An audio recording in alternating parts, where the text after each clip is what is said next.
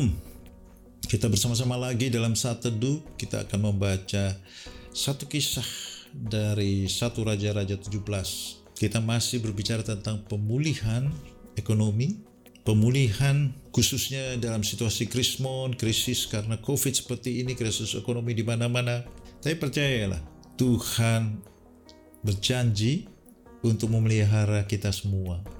Mazmur 23 katakan, Tuhan adalah gembalaku, takkan kekurangan aku. Kalau kita domba-dombanya Tuhan, Tuhan tidak akan membiarkan kita menjadi domba-domba yang kurus, domba-domba yang kelaparan, domba-domba yang kehausan karena merana di padang gurun yang tidak ada airnya.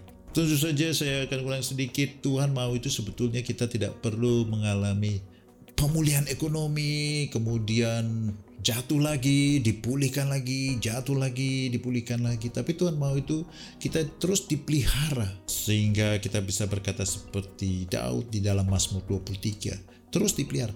Tentu saja, tentu saja kalau ada krismon kita mungkin tidak hidup wah berfoya-foya ada penguasaan diri penguasaan diri di saat-saat tertentu dalam situasi-situasi tertentu tapi Tuhan janjikan dalam segala saat kalau Tuhan adalah gembala kita, kita tidak akan kekurangan.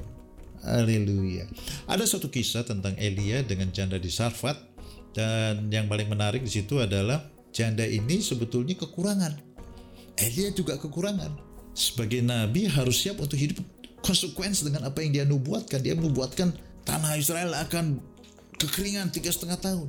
Ya tentu saja di mana-mana orang yang mengalami kekeringan dan Elia juga akan terpengaruh situasinya seperti itu ya. Tuhan kemudian pelihara dia dengan makanan di sungai Kerit tapi kemudian suatu hari menyuruh dia pindah ke Sarfat. Karena Tuhan katakan Tuhan sudah suruh seorang janda untuk menyediakan makanan dia selama sisa waktunya. Tapi ketika dia pergi ke Sarfat yang ditemui adalah janda yang siap-siap mau mati. Tinggal bikin adonan sekali makan untuk dia dan anaknya habis itu mau mati karena sudah habis semua. Sudah putus harapan. Tidak ada makanan lagi, tidak ada lagi tepung, tidak ada lagi minyak. Cara Tuhan kadang-kadang gampang-gampang susah atau susah-susah gampang. Tapi yang jelas, dia kemudian datang kepada janda ini dan janda ini bilang kami mau makan sekali habis itu mati. Kemudian Elia berkata, tetapi Elia berkata di satu Raja-Raja 17 ayat 13, Janganlah takut, pulanglah buatlah seperti yang kau katakan, tapi buat lebih dahulu bagiku sepotong roti bundar kecil daripadanya dan bawalah kepadaku, kemudian barulah kau buat bagimu dan bagi anakmu. Sebab begini firman Tuhan Allah Israel, tepung dalam tempayan itu tidak akan habis dan minyak dalam buli-buli itu pun tidak akan berkurang sampai pada waktu Tuhan memberi hujan di atas muka bumi. Artinya sampai akhir masa kekeringan setelah semua kembali normal, selama krisis, krismon, krisis kekeringan, Tuhan akan buat tepung dan minyak itu tidak habis. Uh, luar biasa. Di dalam kisah ini sebetulnya banyak sekali pelajaran, tapi yang jelas yang pertama adalah seorang janda punya anak, itu adalah orang yang paling lemah, lemah, lemah, lemah, lemah. Ya karena tidak ada perlindungan. Kalau orang yang masih punya suami, suaminya akan berusaha untuk istri dan anaknya. Tapi kalau dikatakan seorang janda, apalagi seorang janda punya anak, itu kehidupan orang yang paling susah karena tidak ada tempat berlindung, tidak ada sumber penghasilan dan sangat lemah. Tapi puji Tuhan, ya.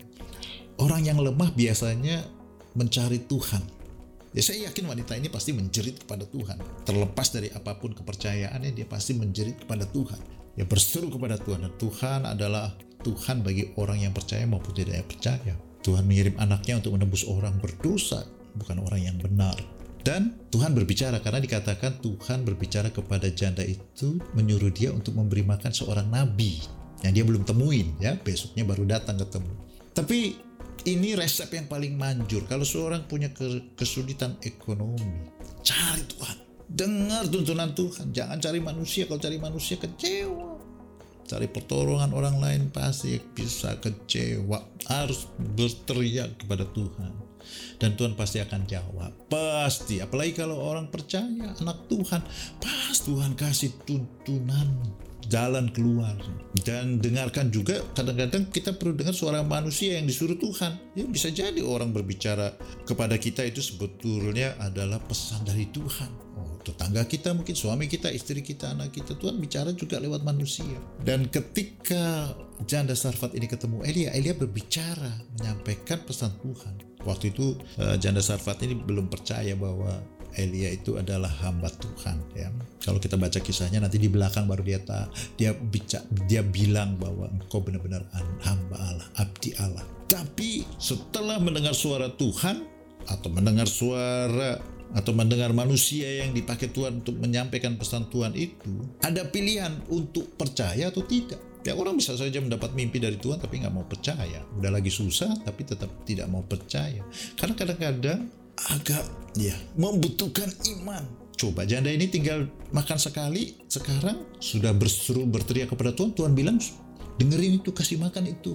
Ada bapak-bapak yang akan datang. Loh udah kekurangan disuruh kasih dulu kepada bapak-bapak tua itu si El, Nabi Elia ini ya. Itu kan suatu suatu ujian bisa dikatakan ya. Suatu pilihan percaya atau nggak percaya. Kalau percaya kayaknya agak susah nih bukannya makannya ditambah justru harus diberikan ke orang lain dulu. Waduh. Elia berkata jangan takut ya. Jadi kalau kita mau mengalami pemulihan kita jangan takut jangan bimbang. Kalau benar Tuhan bicara kepada kita kita harus melakukan langkah iman ya. Langkah yang nggak gampang. Ya janda sarfat ini pilihannya dua nih. Ah bapak ini nggak tahu diri. Saya kan wanita punya anak lagi. Kok justru dimintai Lalu kalau saya kasih untuk Bapak ini nanti hidup saya mungkin lebih berkurang.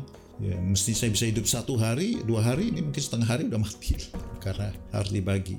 Tapi percayalah ya, tindakan langkah iman itu adalah motor untuk mengalami mujizat itu seperti roda yang memutar ya untuk mujizat itu bekerja.